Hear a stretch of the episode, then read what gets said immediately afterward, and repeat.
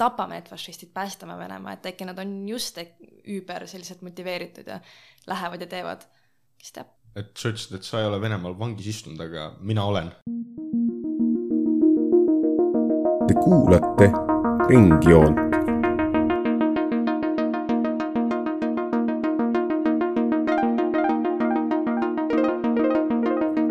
joon ringis tere hommikust, lõunast või õhtust, kallid kuulajad.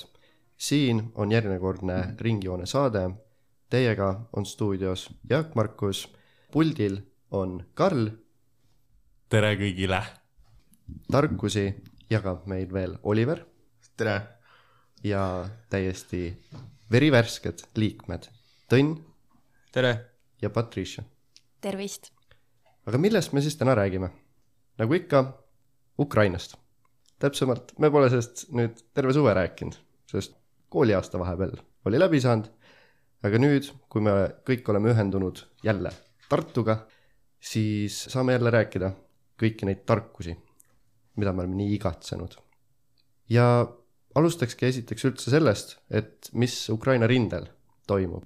põhimõtteliselt suvel on ikka väga palju juhtunud ja on saanud hoope nii Ukraina kui ka Venemaa. kõige rohkem on toonud muutusi siis rindel põhimõtteliselt see, et Ukraina sai siis oma Himarsidega, mis siis anti talle USA valitsuselt, said rünnata Krimmi poolsaart ja sealt nottida päris head sihtmärgid maha. Nendeks olid siis paar lennuvälja, mingid moonahoidlad, värk-särki. on tähtis ka see, et teegiline väärtus seal kõik õhku lasti ja põhimõtteliselt need logistikajooned ei ole enam nii kasutuskõlblikud.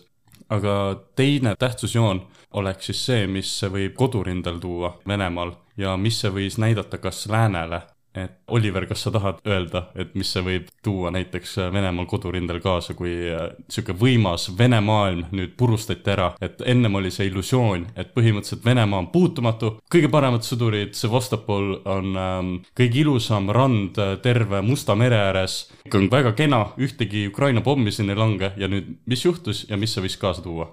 jah, et nagu me kõik oleme uudistest lugenud, et Tavariš Vladimirovitš Putin kuulutas siis välja mobilisatsiooni, et alguse eesmärk kolmsada tuhat inimest. et kindlasti see Krimmile teostatud rünnak nüüd inspireeris seda, et Venemaa tõesti ei olegi nii võimas, nagu kõigile räägiti ja kõik kodumaal arvasid.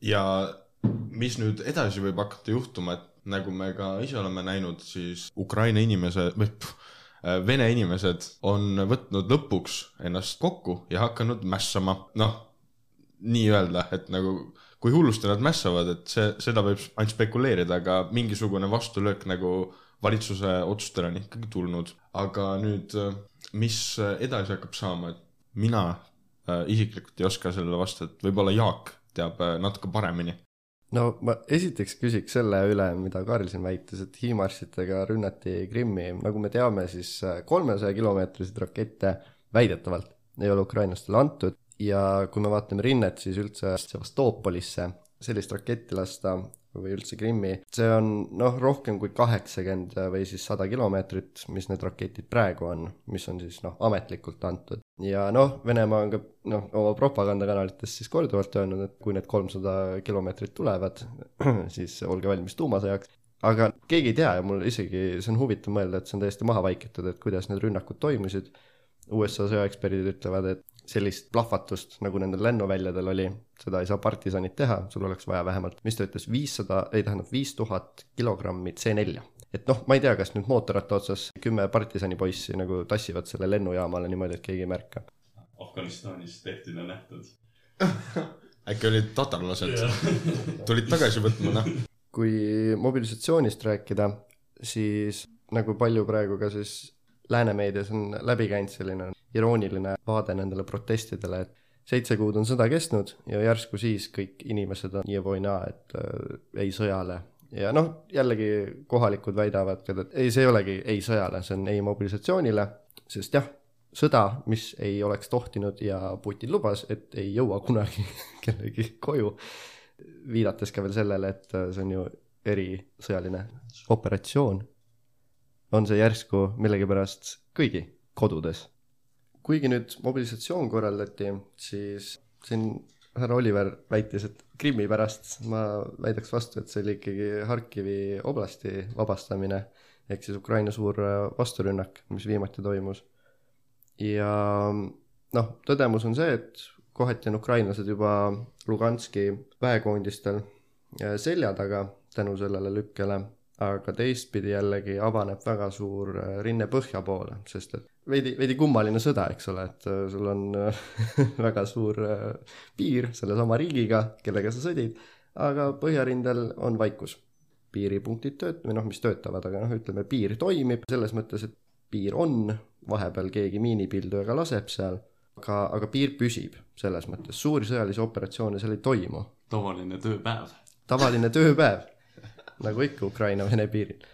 ja nüüd, kui see vasturünnak oli täies hoos, siis hakati just spekuleerima sellise mõtte üle, et aga teate, Belgorod on nagu kohe piiri taga. tuumarelvad on seal, noh, väidetavalt, keegi ei tea, kus nad on, aga väidetavalt, pluss veel nagu infrastruktuur ja raudteed ja noh, see oleks nagu korralik löök selles mõttes, et kas see võiks olla nagu sümboolne, kas see oleks üldse strateegiline kaalutlus minna Venemaa sisse, eriti arvestades nüüd, kui Venemaa on kuulutanud mobilisatsiooni, mis justkui viitab sellele, et no nüüd on nagu sõda, nüüd nagu ei ole erioperatsioon Ukrainas, et Patricia näiteks. no lugedes, kuidas need Belgorodi elanikud on reageerinud nendele shellingutele, ma arvan, et see tekitaks mingi liikumise kindlasti, et kui nad saavad aru, et ei olegi kaugel Ukrainas, kuigi nad otseselt ise kaugel ei ole. aga jah, ilmselt see võiks hakata nagu kiirendama neid protsesse seal, ma pakuks, spekuleerin. Tõnn? jaa, nüüd see küsimus on jah siin nagu üles kerkinud, no sellega on nüüd see asi, ma arvan, et ega nagu Ukrainal pole ka tegelikult ju seda võimekust nii-öelda lõpmatult. et puhtalt nagu praegu spekuleerides lihtsalt, kui tuleb valida, et kas vabastada nagu siis seal Luhanski ja sealkandis ja samamoodi seal Hersoni suunal, et siis nagu ma ütleks, et pigem on mõttekas suunata sinna ressursse kas või juba siis jah, sellega, et nüüd, kui Venemaa väidab, et seal on tuumarelvad, kas võib jälle tõmmata selle ohu rohkem üles ja samamoodi siis ka, et sellises, ütleme niimoodi, et siis sellele niigi mitte liiga või selline grudging äh, toetus Ukrainale äh, võiks nagu veel rohkem selle võrra siis langeda nii-öelda rahvusvahelisel tasandil, äh, kui nüüd Ukrainaga nagu ametlikult tungib siis Venemaa piiridest üle. aga miks peaks üldse toetus vähenema Ukrainale? Ukraina on lubanud ainult seda, et ta ei kasuta läänerelvi Venemaa territooriumil ja samas, kui ma ei eksi, siis Scholz ka viimati, see oli vist isegi, või see oli päev enne, kui tehti Krivi-Rihi hüdroelektrijaamale või tammile suur, suur raketirünnak Venemaa poolt. ja siis päev just varem oli äh, Scholz öelnud, et kui infrastruktuuri Putin veel laseb, siis on nagu suured tagajärjed, noh tõlkes see, et lääs siis võtab piiranguid maha, tõstab relvaabi, et mis, mis takistab Ukrainat, noh, see on see, see meta, mõt-, mõtteline tasand, et seal jookseb ikkagi piir, aga kas kohati oleks targem lihtsalt lükatagi kahvel kohe Moskva suunas, äkki Oliver?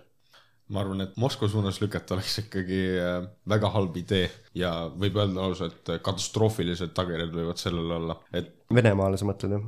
mõlemale. Äh, ma, ma ei usu, et venelased laseks päris niimoodi ka endaga käituda. ja kui me hakkame nüüd mõtlema, siis sihuke tegutsemine ei oleks tegelikult üldse lääne huvides ka. et mida rohkem Venemaad nõrgendada, seda võimsamaks muutub Hiina. et äh, miks me peaksime Moskvat ründama, täiesti ajuvaba. vihjad, et peaks Beijingi peale suunama Ukraina väed. pigem, kui oleks võimalus, suunaks Beijingi peale. aga ärme nüüd siin nalja tee, et asi on tegelikult naljast kaugel, Jaak, et jääme asja juurde. jääme asja juurde, tõesti. aga mida ma tahtsin öelda, minu isiklik panus praegu, ukrainlased võtavad Ida-Ukraina tagasi, aga Krimm jääb venelastele, et mitte mingi hinna eest venelased ei anna seda poolsaart tagasi, et sellel on nii suur sentimentaalne väärtus kogu sellele Vene, mitte ainult ladvikule, vaid nagu kogu sellele struktuurile, mis seal toimub, et ma arvan, et pea iga venelane on valmis oma elu andma Krimmi eest. et see Ukraina on võib-olla, oleks võib-olla boonus, aga ma ei usu, et see on mingisugune prioriteet sa juba juhatasid väga hästi teema sisse, et mis oleks üldse edasine kulg sõjas ja ma kuulaks ka vahelduseks siis jälle Karli mõtteid selle poolt. no kulg sõjas minu meelest on järgmine, et nüüd lähevad ilmad külmaks, on, tuleb mudane periood ja nüüd me võime näha jälle seda statsionaarset sõda.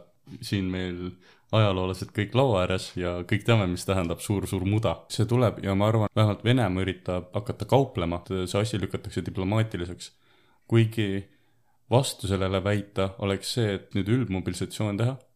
et me näeme ju, et nagu uued näod tulevad rindele ja kui panna need nagu kaks asja kokku, ongi kuidagi see asi, et need referendumid seal läbi viia, kuidagi oma võim nagu kohale panna, et äh, rindejoon täiesti lukku ära ja siis äh, minnakse kauplemislauale. ma arvan, et see on minu see prognoos. aga Karl, mis prognoos on sul sellele, et kuidas need referendumid tehakse, et kas need tulevad ausad või äh, tuleb selline klassikaline Vene doktriinil juba ette nähtud, et vastused on juba ette kirjutatud nii-öelda?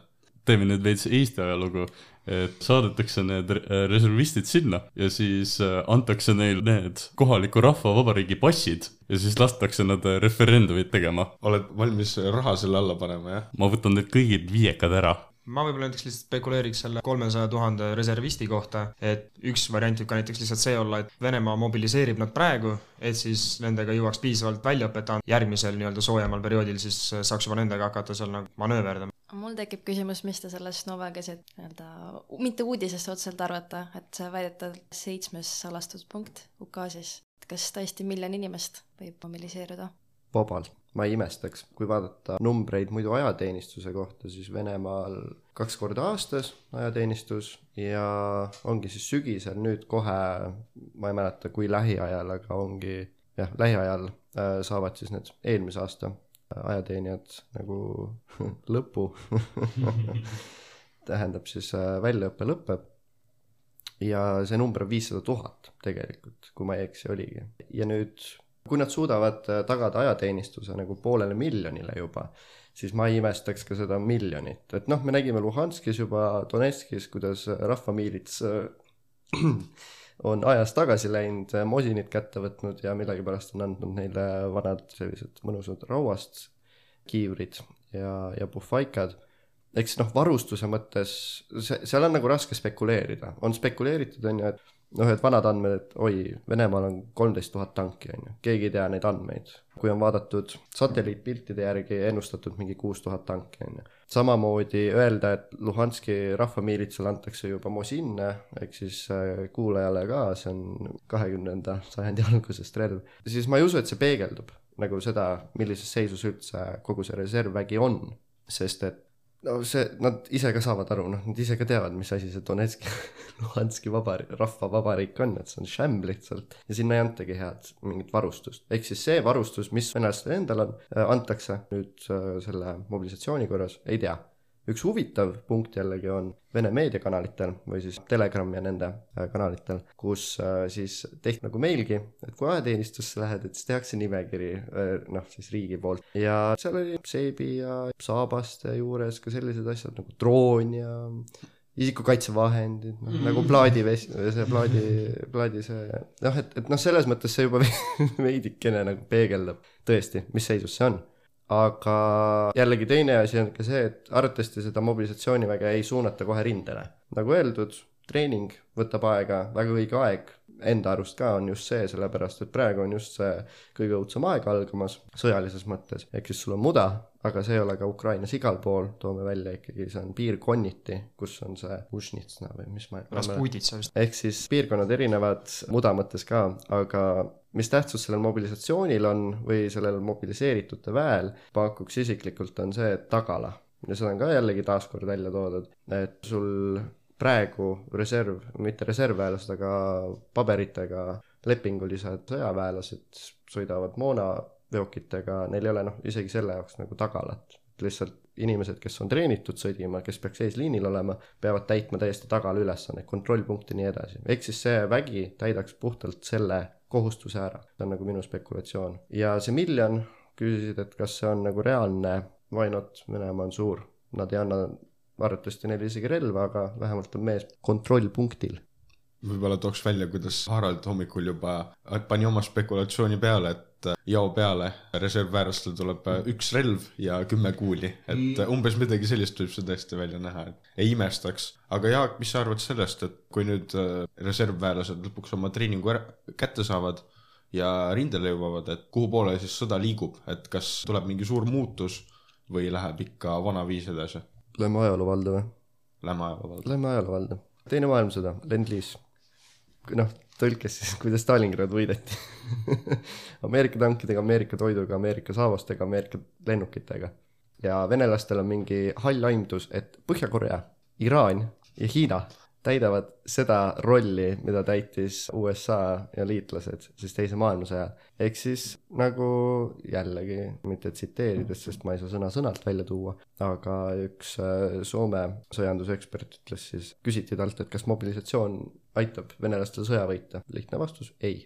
Neil ei ole neid varusid. see inimene, noh, vaadates kas või seda strateegiat, kuidas ründele, et see on täiesti noh, esimese maailmasõja aegne veel, et suurtükivägi teeb linna pihuks ja põrmuks, vaadates Bahmuti, mis viimastel päevadel on nüüd pildid ilmunud, noh täiesti maatasa ja siis saadame jalaväe koristama, kui keegi kuulipildjaga just vastas ei ole. jaa, ma tõesti nõustun, aga minu küsimus on nüüd suuremale ringile, et, et nüüd tuleb see hull punt reserviste, aga me teame, et sihuke vahva palgasõdurite salk nagu Wagner Grupp on teinud oma tööd Venemaa vanglates ja võtnud siis sealt palju vange ja saatnud nad otsekohaselt rindele, sest nimelt allikalt on tulnud, et kellegi lähedane on olnud vangis ja siis üritanud kontakteeruda temaga ja järsku helistab talle seesama inimene, aga Ukraina numbriga. et tegemist on inimesega, kes on Ukraina alal. Kuidas võib mõjutada nüüd äh, humanitaaraspekti selle sõja jooksul, et äh, on võetud vanglast siis põhimõtteliselt uus sõdur ja mis rolli võiks ta sõjas mängida ja milliseid tagajärgi ta nüüd võib tuua? no jällegi, see on jällegi siin puhas nagu spekulatsioon, aga äh, mina leian ikkagi, et need vangid ei ole nüüd fanaatilised võitlejad, kes tunnevad, et nüüd Vene riik andis neile vabaduse selle eest, et nad nüüd on valmis võitlema Ukrainas ja ma ka leian, et tõenäoliselt võib see samamoodi minna lihtsalt, et nad on vabaks saanud ja kui neil see võimalus tekib, nad panevad noh, putkavad üle rindejoone, nad teavad, et Ukraina kohtleb ikkagi väga inimlikult sõjavange ja kui nad juba teisel poolel on, siis neil on täpselt see nii-öelda kaitse olemas ja neil on nagu igal juhul paremad tingimused siis olemas nii-öelda eluks, et äh, ma arvan, et kindlasti on erandeid, aga eks laias laastus ikkagi need inimesed muretsevad oma elu pärast ja tahavad pigem lihtsalt jah, ellu jääda. Aga kas see võib ka olla täiesti eraldi mingi strateegiline kaalutlustus, et nad teavad, et vangid jooksevad minema, aga mõtle, kui nad Ukrainas laiali. ma selle kohta ei oska spekuleerida, aga ma ütleks, et ma ei julge nende pähe väga vaadata, nad on ilmselt nii erinevad ja jällegist me ei ole Venemaal vangis istunud, on ju, aga ma ei kujuta ette, milline see info liikumine on, äkki nad on täpselt mingi just mingis infosulus ja äkki neil ongi just sisse sööratud seda, et lähme tapame need fašistid, päästame Venemaa, et äkki nad on just üüber selliselt motiveeritud ja lähevad ja teevad, kes teab. et sa ütlesid, et sa ei ole Venemaal vangis istunud, aga mina olen ja tean väga hästi. okei, okei, tegelikult ei ole. aga ma võin öelda niimoodi, mina isiklikult arvan, et see käik, et saata vangid nüüd sõdima, on täielik enda jalga tulistamine. et võtad mingisugused suvalised vennad, me kõik teame, et Vene vanglussüsteem on ülimalt brutaalne, seal on ikka veel need kolooniad, mitte ei ole kongid, vaid on kolooniad ja seal tekivad need hierarhiad ja need inimesed on nagu mentaalselt täiesti hävitatud. Füüsiliselt ka ilmselt nagu nad võib-olla vägistavad seal üksteist ja mida kõike veel on aga kas see oleks lihtne, lihtsam või tähendab siis äh, veel sobilikum sõdur, kes nagu on, uh,? jah, võib-olla on, kes on vaimselt hävitatud? ei, pigem mitte, ma arvan, et sellise, sellise sõduriga venelased väga kaugele ei jõua, et äh, tõenäoliselt, no need inimesed on ju midagi teinud ka, et vanglasse sattuda nagu, et äh, mina isiklikult äh, olen sihukesel arvamusel, et äh, inimesed ei muutu ja eriti ei muutu nad kohe Vene vanglas, et võib, võib-olla seal muutuvad inimesed aina hullemaks, aga nagu kuhu me tahame jõuda, on see või noh, kuhu mina tahan jõuda oma jutuga, on see, et vangide armee täielik idiootsus, et ma ei, ma ei, ma isegi ei tea nagu, kas te oskate öelda, mis nad on juba korda saatnud rindel, et võib-olla mõne suure kangelasteo teinud, et võib-olla oskate lisada? ma ei, ma ei tea, kas see on just otseselt vangidega, aga, noh, teadagi, esiteks seal on sellised erinevad, erinevad toredad härrad nagu esiteks Rosgardia, mis on siis noh, sõjaväepolitsei umbes või, või mingi noh, Kaitseliidu mõttes või midagi seesugust. siis on seal Wagner, Rosgardia vihkab Wagnerit, sest nad saavad mingi kolm-neli korda suuremat palka. Ja nüüd tulevad pätid. pättide eest vastutus lasub nüüd siis Rosgardia nagu õlgadel ja noh, see, see tuleb õudne, see tuleb õudne, aga noh, ütleme üleüldiselt, ega see armee on üks bardakk selles mõttes. aga mina isiklikult ei tea, aga äkki sa oskad öelda, et kas neil on mingisugune selline noh, saadetakse vangid ees rindele ja siis tuleb taga mingisugune karistussalk järgi, et ja, keegi minema paneks. ja Kadõrovi poisid on ju need. Mm, Äh, näiteks äh, Hersoni kohta on ka tulnud teateid, et äh, kui keegi üritaks Dneprist üle ujuda Hersoni poolt, siis jõge pidi vaadata siis vasakule kaldale ehk siis noh, Donbassi suunas. noh, siis äh, Kadõrovi poisid ootavad, et noh, see vana hea NKVD taktika, et ähm, keegi püssiga ootab selja taga, see see toimib, noh. see toimib. see on äh, tried and tested, noh, see kui midagi toimub, siis võiks seda muuta. ja, ja, ja, aga võib-olla tegelikult ma võtan nüüd tagasi, noh, see ei olnud mingi jalga tulistamine, see oli äh, kaalutletud ja vot, kui, kuna venelastel tagala puudub, siis nagu iga moonakübe loeb ja noh, see on hindamatu Vene sõjaväele praegu, siis võetaksegi vangid, keda sa pead ju muidu toitma ja magatama ja no mida kõike veel, siis saadetakse nad rindele.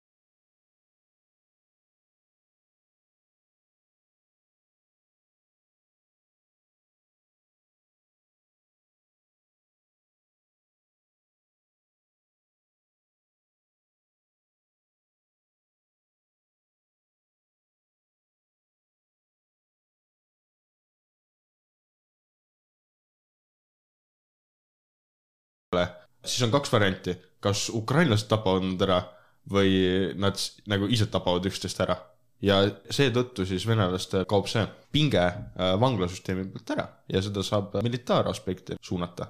ja kui ta juhuslikult satub piiri peale tagasi, siis arvatavasti ikka saadetakse vangi tagasi. jahusime jälle siin kogu sellest mobilisatsioonist, eriti vangide omast, aga tulles korraks tagasi nüüd eilsete ja ka üleeilsete, eelkõige eilsete rahutuste eh, juurde, mis siis suuremates Vene linnades toimusid, siis ma ei tea, vaadates samal ajal, kuidas nagu Iraanis toimus mäss, sellest ma usun, et meil räägitakse ka mõnes järgmises saates, mis seal täpsemalt toimub, et venelastel on midagi õppida üldse sellest, kuidas võidelda korravalvurite vastu. ei no tahes-tahtmata ta tekib tahe vist jah, võrrelda neid kahte, kuigi need ärgitavad teemad on nii erinevad, et Iraanis siis moraalipolitsei käe all väidetavalt siis nende tõttu suri kahekümne kahe aastane tüdruk ja vaadates sealset nii-öelda rahulolematust ja julgust, kuidas inimesed võtavad enda hidžaabe ja põletavad neid ja kuidas tulevad ka nii-öelda mehed kaasa ja kui suur mäss seal tegelikult on. Ja siis kui asetada kõrvale need videod Venemaalt, see paistab natukene humoorikas või koomiline, et kuivõrd paljudel on no kui juba võrrelda seda, et ühtedel on käes telefonid ja nad lihtsalt filmivad tegemata midagi, kaitsmata teist inimest, keda just võetakse näiteks politsei poolt kinni, et jah, kindlasti energiat juurde võtta ja vähem seda, no kindlasti on näha, vaja, et keegi jäädvustaks seda, mis toimub, aga ega sellest suurt abi ei ole, kui te kõik lihtsalt seisate ja filmite ja nojah, et kui kümme inimest nagu, kes võiks samal ajal äh, politseiniku või politseinikul tappa anda, filmivad, siis noh, äkki vahetage nagu ühe inimese vastu see. Ei tapa kedagi, noh, ei tapa. Peksa annab. kui jumala riiki tahad saada, siis teise inimese peale kätt ei pane. ei panegi. ja aga mis võrdlus see oli veel Ukrainaga ka, et kui seal olid venemeelse valitsuse vastu, vastu need protestid, et seal oli ka nagu ulmeenergia inimest. jaa, see tegelikult peegeldub selles äh, vene, vene rahva mõttes või nagu toodi ka välja, et seitse kuud on sõda kestnud, kuus-seitse kuud ja siis venelased on ju nüüd, nüüd, kui sõda on ukse taga või ukse eest sees juba, siis järsku on kõik vastu.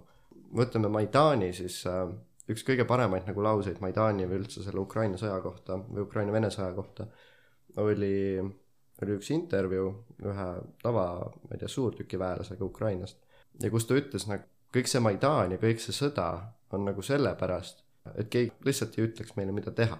Kui me tahame elada korruptsioonis ja lihtsalt muda sees ja vaestena, siis me võime seda teha.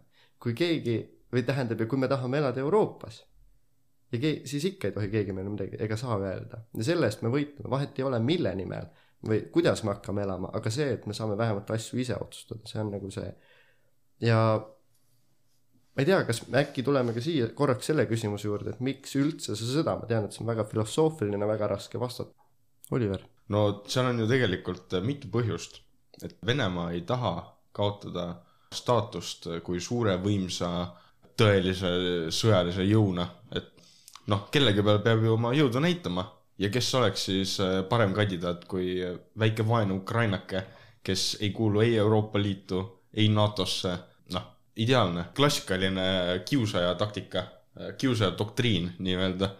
et äh, näidati ka Gruusia peal, aga noh, see jääb Euroopast veidi kaugele, et peab ikka näitama eurooplastele, eriti USA-le, et vaadake nüüd noh, nüüd te hakkate saama ja sellepärast see sõda ongi. aga mina tooks veel välja siukse asja, et sõda mitte ainult nagu, et näidata, vaid sellepärast ka, et nagu saada see Krimm endale, et see oli nagu minu meelest üks põhiküsimusi või põhiprobleeme venelastele. no rää- räägime siis üldse sellest, et äh, miks, miks Krimm oli Ukraina käes, et viiekümnendatel tehti sihuke lollakas otsus Nõukogude Liidu liidrite poolt, et palju õnne Ukraina, võta nüüd Krimm endale. no tead, kes see oli, see oli härra Hruštšev ja kes ta oli? ukrainlane. vot ja täpselt ja siia me jõuamegi. Omad omad joped. joped, jah. see on ju, kui me võib-olla pärast veel räägime Karabahhist, siis see on ju analoog sellega, et tõstame piiri ümber. tõstame piiri ümber jah, ja tekitame, see on see äh, jaga ja Valitse. val-, valitse, jah, täpselt. Ma ei tea, võib-olla Tõnn oskab midagi lisada sellele, et miks sõda? no seda võib ka näiteks lihtsalt siin kõik on väga õiged mõtted muidugi, aga et lihtsalt siin nagu vein, teine mõõde lihtsalt sinna juurde nii-öelda võib olla see, et kui vaadata nii-öelda siis ikkagi seda Vene juhtkonda, siis just, mis ka noh, sõja algul tuli välja, eks ole, et tegelikult ju mingid salateenistused väga, keegi ei olnud nagu sellega kursis isegi, et sõda hakkab. ja no siin võibki näha seda nii-öelda väga kindlalt Putini enda sellist maniakaalset soovi saada selliseks ajalooliseks juhiks, tal on need kompleksid kõik Staliniga võrreldes Peeter Esimesega, eks ole, Ivan Julmaga, kõik need, et need mõtteviisid, mis on tulnud, et kuidas äh, nii-öelda see vene rahvale nii-öelda siis iga, igavesti nii-öelda meeldejäämine või selliseks äh, suureks kujuks saamine on see, kui ikkagi jäävad ainult need juhid Venemaalt, kes kasvatavad Vene pindala väga selgelt, sest et rahvast ei huvita majandus, rahvast ei huvita mis iganes majad, vaid neid huvitab see, kui nad näevad kaardi peal, et meie riik on jälle suuremaks saanud, eks ole ja ilmselgelt see väike madin Gruusias või isegi nagu see Tšetšeenia ei saa äh, siis jääda Putini nagu nii-öelda siis suurimaks äh, kangelasteoks nii-öelda. Et tal oli ikkagi tarvis mingit suurt sellist triumfi, mis ju ideaalis olekski olnud see, et kolme päevaga võetakse ära pindala poolest üks Euroopa suurimaid riike, eks ole. et äh, see oleks olnud nii-öelda siis puhtalt nagu teoorias noh, selline hiiglaslik ja grandioosne triumf nii-öelda, mille oleks saanud siis nagu igaveseks panna Putini hauakivi peale kirja ei, mul tekib küsimus, et nüüd, kui ta on ebaõnnestunud, mis see stsenaarium edasi on, et kas ta siis sureb niimoodi kurvalt ebaõnnestunud unistust täitmata? aga me võib-olla praegu veel ei saa öelda, et on ebaõnnestunud, et tehniliselt, kui ta veel siin mobilisatsioone korraldab ja ta on ikkagi veel aparaadi juht, siis kui ta veel elab. kui ta veel elab, et ta ju ei loovuta nii kergesti. et muidugi asjad ei läinud plaanipäraselt, aga Putin on ju võrreldav Hitleriga oma poliitiliste oskustega ja manipulatsiooniga. et kui läheb natuke valesti, siis ta keerab oma sõnu veidi, ütleb, et aa, tegelikult pidigi nii minema ega- ja ja vene rahvas võtta- usub jälle, onju. võtta, võtta, võtta, et see termin on, on ju mitte sõda, vaid sõjaline op-, O- erioperatsioon. just, just, just, et sellest sa saad alati välja tulla, sõjast sa tuled kas võitja või kaotajana. jah, võibki öelda nüüd, et aa, noh, saime oma äh, fašistid hävitatud ja nüüd tõmbamegi väed välja. Ja me tegime hea teo ja oleme nüüd äh, uhked enda üle. Ja vene, ja vene rahvus muidugi hõikab kaasa, et äh, slaavana. minu arust täiesti nagu see Orwelli tuhat üheksasada kaheksakümmend neli, kõik inimesed täpselt samamoodi, ja, ja just kõige, kõige võluvam võib nii öelda, on just see sõnade käänamine, on ju. see, see, kuidas mingi sõna tähendab just seda ja see ei tohi midagi muud tähendada ja kui see tähendab, siis sa saad peksa ja sa kaod. nagu Orwellis on ju. jaa, mul on järgmine veits imelik idee, aga põhimõtteliselt siis, kui olid äh, Navalnõi rahutused, ma arvan, et Putin ehmatas ära. põhimõtteliselt pärast neid rahutusi me hakkasime nägema, et Vene jah, jäi, põhimõtteliselt hakkas toetus hakkas langema, langema, langema, mitte palju, mingi aastas kolm-neli protsenti. ja ma arvan, et ta ehmatas ära. ja mis see playbook on tavaliselt juhtidel, et äh, kui sa tahad olla võimul edasi, siis sa pead põhimõtteliselt tegema midagi, nagu Tõnn ütles, nii grandioosset, et saama uuesti selle nagu rahva toetuse taha ja nüüd tuua paralleele Vene õigeuskliku kirikuga, siis me näeme, et, et põhimõtteliselt nii inimene kui ka kirik on ühendatud riigiga, et vahet pole, kas äh, Venemaal on äh, kõige parem juht, kõige halvem juht, peaasi, et Venemaal läheb hästi. Ja nüüd võib-olla nagu mõned inimesed sealt üldmobilisatsioonist hakkasid nagu Soome piiri äärde minema, et riigist välja saada. aga me näeme ikkagi seda, et inimesed lõppude lõpuks tahavad nõuda Venemaale kõige paremat tulevikku, vahet pole, kuidas seda tehakse. peaasi, et Venemaal läheb hästi et nad on kuidagi kinnistatud läbi selle kultuuri ja läbi usu ja. aga Karla, võib-olla isegi võib siia lisada seda, et üks asi on jah, tõesti, et see äh, nagu Tõnn ütles, grandioosne tegu, aga teine asi kindlasti on ka see patuaina leidmine, et nagu kes on süüdi ja Putini äh, agenda siis äh, väidab, et ukrainlased on süüdi. ukrainlased on fašistid, vargad äh,, röövlid, mõrvarid, vägistajad ja veel mitmeid-mitmeid erinevaid tiitleid võib neile anda.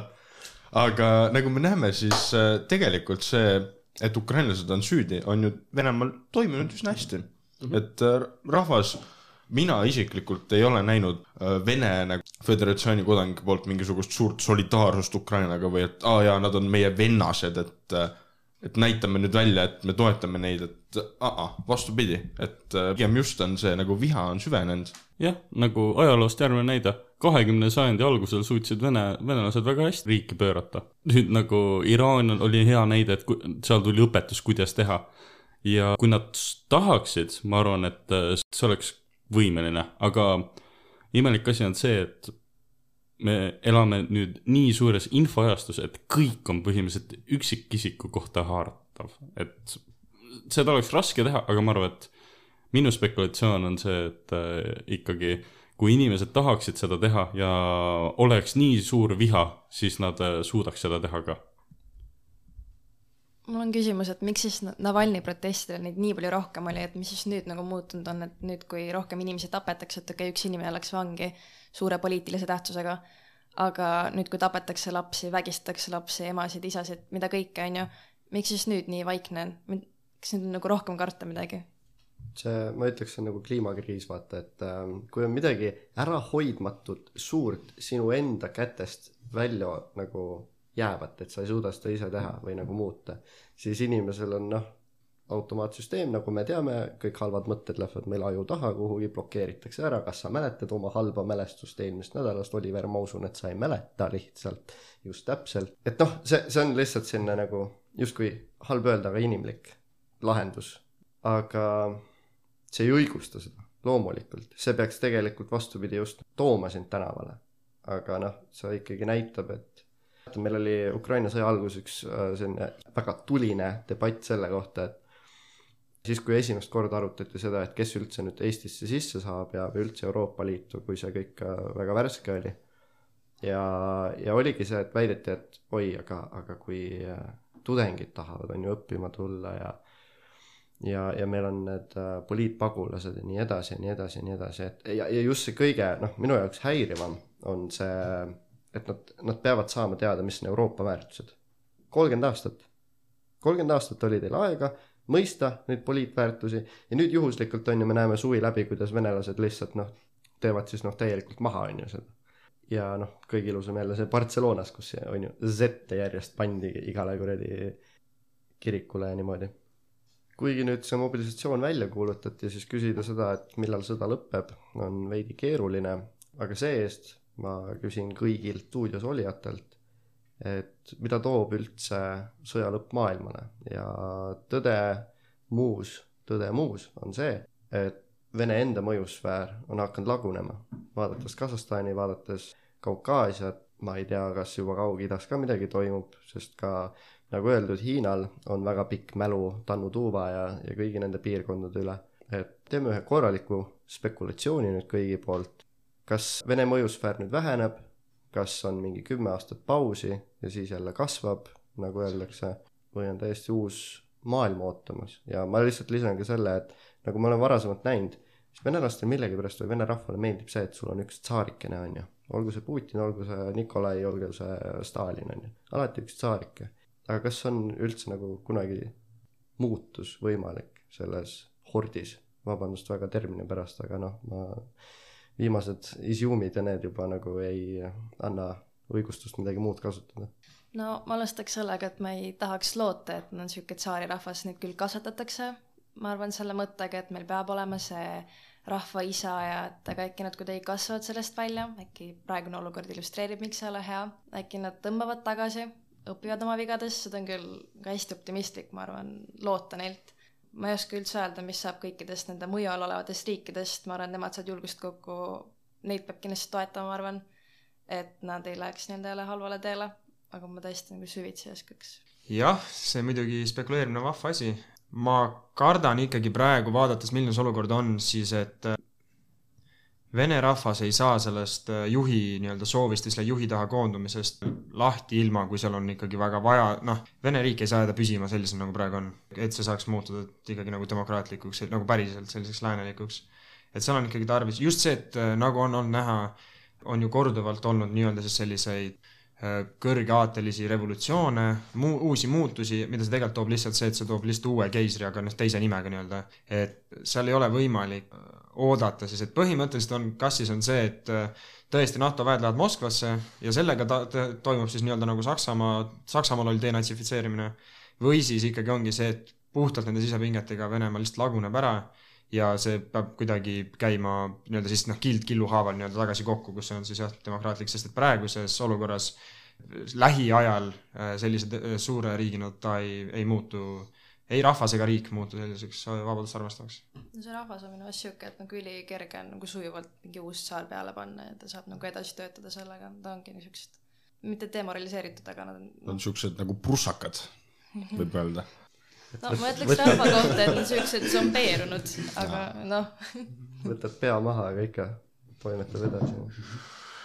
jah, ma võib-olla ütleks omalt poolt ka, et see on ikka ülimalt optimistlik, et võib-olla Venemaast saab demokraatia, et ajaloos kordagi pole see riik olnud demokraatlik, et miks ta nüüd peaks olema, et ma, see on ikka nagu täielik utoopia, et Venemaast saaks demokraatlik ja euroopalik riik ja nagu ma olen igas äh, saates öelnud, mis puudutab Venemaad, siis äh, see Venemaa, mida me täna näeme, on äh, mongoli ikke alt läbi käinud ja sealt on nagu see põhiidentiteet saadud, minu arvates vähemalt.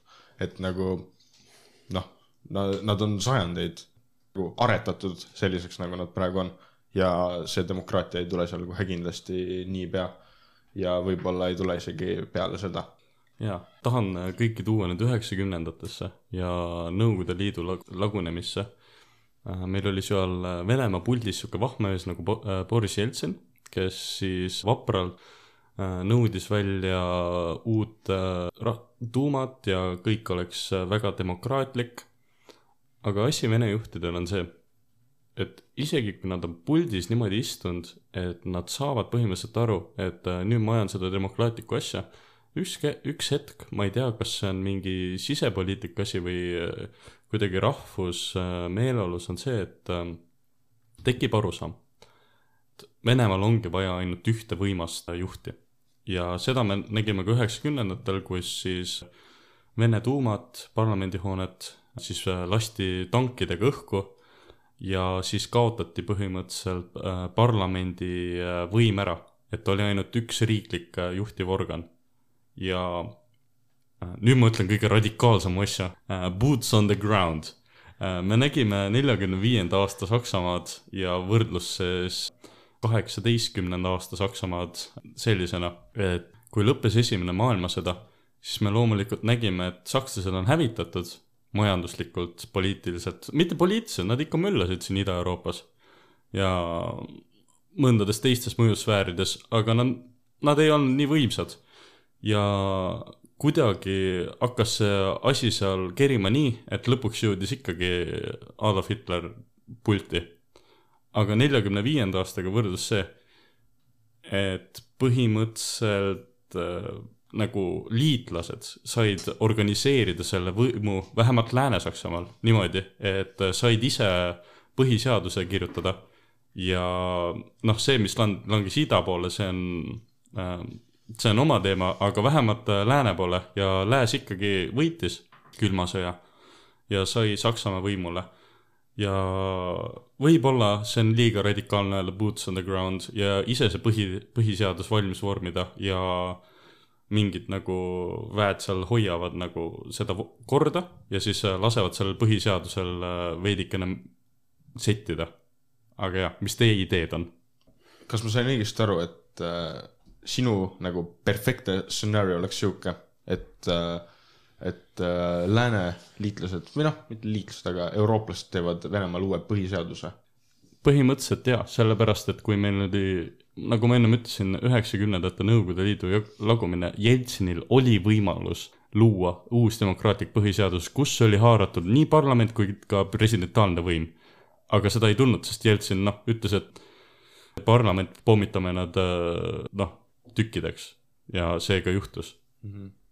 ma arvan, et see oleks äh, iseenesest nagu noh, mõistlik, sest Venemaal on ülimalt palju potentsiaali.